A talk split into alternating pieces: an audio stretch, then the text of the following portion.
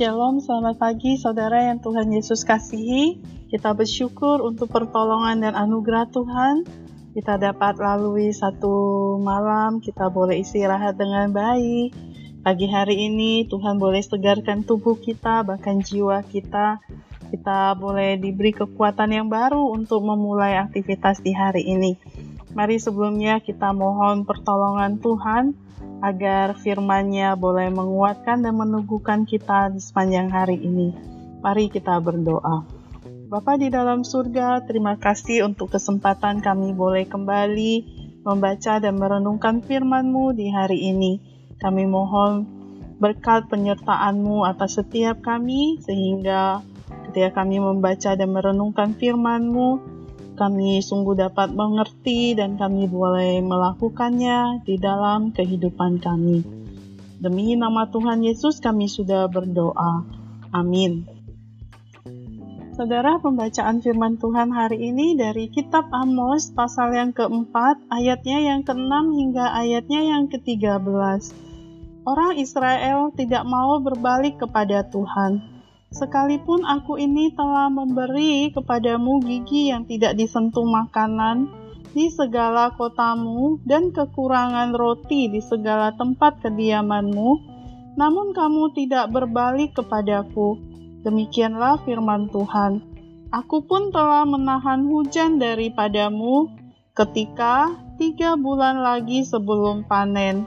Aku menurunkan hujan ke atas kota yang satu dan tidak menurunkan hujan ke atas kota yang lain.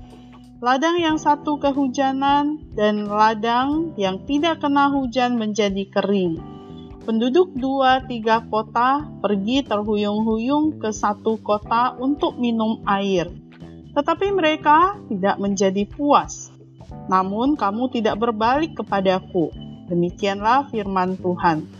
Aku telah memukul kamu dengan hama dan penyakit gandum.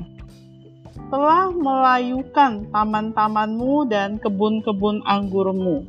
Pohon-pohon ara dan pohon-pohon zaitunmu dimakan habis oleh belalang. Namun kamu tidak berbalik kepadaku. Demikianlah firman Tuhan. Aku telah melepas penyakit sampar di antaramu seperti kepada orang Mesir. Aku telah membunuh terunamu dengan pedang pada waktu kudamu dijara. Aku telah membuat bau busuk perkemahanmu tercium oleh hidungmu. Namun kamu tidak berbalik kepadaku. Demikianlah firman Tuhan. Aku telah menjungkir balikan kota-kota di antara kamu seperti Allah menjungkir balikan Sodom dan Gomora, sehingga kamu menjadi seperti puntung yang ditarik dari kebakaran. Namun kamu tidak berbalik kepadaku. Demikianlah firman Tuhan. Sebab itu demikianlah akan kulakukan kepadamu, hai Israel. Oleh karena aku akan melakukan yang demikian kepadamu, maka bersiaplah untuk bertemu dengan Alamu, hai Israel. Sebab sesungguhnya Dia yang membentuk gunung-gunung dan menciptakan angin, yang memberitahukan kepada manusia apa yang dipikirkannya, yang membuat fajar dan kegelapan, dan yang berjejak di atas bukit-bukit bumi. Tuhan, Allah semesta alam, itulah namanya. Sampai sejauh demikian pembacaan firman Tuhan pada hari ini. Tema renungan kita adalah jangan menantang Allah. Mungkinkah ada yang berani menantang Allah? Mungkin saja. Seorang ateis melakukan hal itu. Tetapi bagaimana dengan orang yang beragama? Mungkinkah orang yang rajin beribadah, memberi persembahan, memiliki religiositas yang tinggi, justru berkali-kali menentang dan menantang Allah sekaligus menguji batas kesabarannya. Kehidupan Israel tidak mencerminkan status mereka sebagai umat Allah. Dan semua ini tidak dibiarkan begitu saja oleh Allah. Ia telah berulang kali memperingatkan mereka dengan berbagai hukuman, mulai dari kelaparan, kekeringan, hama dan penyakit tanaman, wabah penyakit, bahkan penghancuran beberapa kota seperti Sodom dan Gomora. Dalam rincian peringatan itu, ada kalimat yang selalu diulang pada akhir, namun kamu tidak berbalik kepadaku. Jadi mereka bukannya bertobat, tapi justru menantang Allah. Seakan-akan mereka hendak berkata bahwa diri mereka lah yang mengetahui cara beribadah dan hidup religius yang paling tepat dan bukan Allah. Di ayat 12 dalam pembacaan tadi, Allah merespon sikap mereka dengan sebuah vonis akhir mereka akan berhadapan dengan Allah sendiri. Sementara itu, Nabi Amos tidak merinci apa persisnya hukuman akhir itu. Saudara bisa baca nanti dalam Amos 5 ayat 1 sampai 3. Tetapi justru mengakhiri bagian ini dengan menyatakan kedahsyatan kuasa Allah sekaligus menyiratkan betapa menakutkan penghukuman final kepada Israel. Persembahan tidak berguna jika tidak disertai dengan ketaatan. Segala hal itu takkan menyurutkan murka Allah jika kita tetap tinggal di dalam segala kebebalan dosa-dosa kita.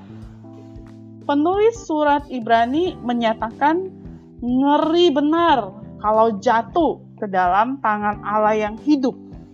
Ibrani 10 ayat 31 jika kita membiarkan diri terjebak di dalam lingkaran hari kerja dosa seperti biasa, hari Minggu minta pengampunan dosa, kita justru sedang menantang Allah.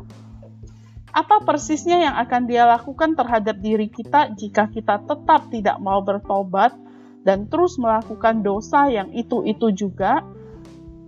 Semua bergantung pada kedaulatan Allah namun, bukankah lebih baik jika kita bertobat dan taat?